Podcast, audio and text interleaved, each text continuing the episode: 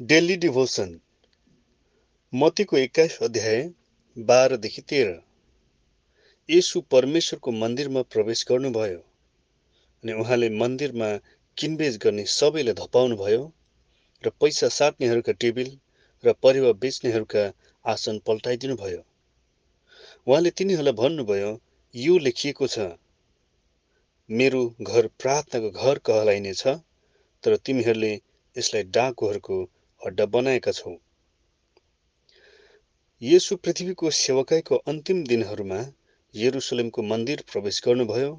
मन्दिर मानिसहरूले व्यापार गरेर नाफा कमाउने ठाउँ बनाएका थिए।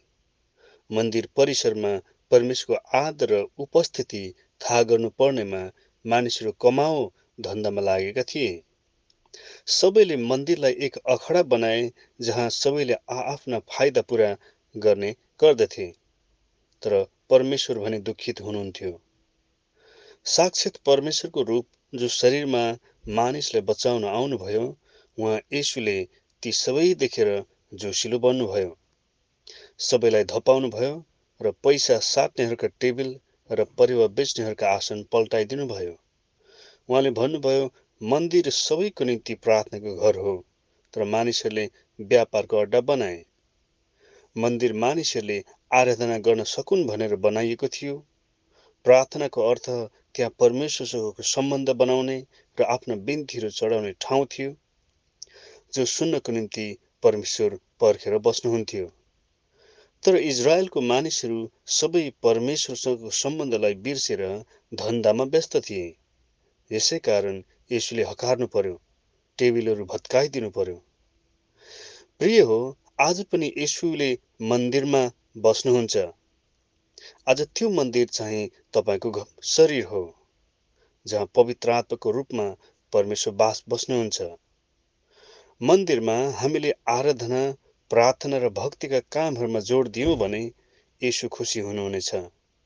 तर यसो नगरी तपाईँ पनि संसारिक कुराहरूमा व्यस्त भएर परमेश्वरको पवित्र आत्माको मन्दिरलाई व्यवस्था गर्नुहुन्छ उहाँको उपस्थितिलाई नजर नजरअन्दाज गर्नुहुन्छ भने आज पनि यसु दुखित बन्न सक्नुहुन्छ। यसर्थ परमेश्वरको आत्माको बास भएको हाम्रो शरीरद्वारा प्रार्थनाको घर जस्तै यसुको महिमा गरौँ जसरी मन्दिरमा मानिसहरूको निम्ति अन्य जातिहरूको निम्ति अर्ज बिन्ती गरिन्छ मध्यस्थता गरिन्छ।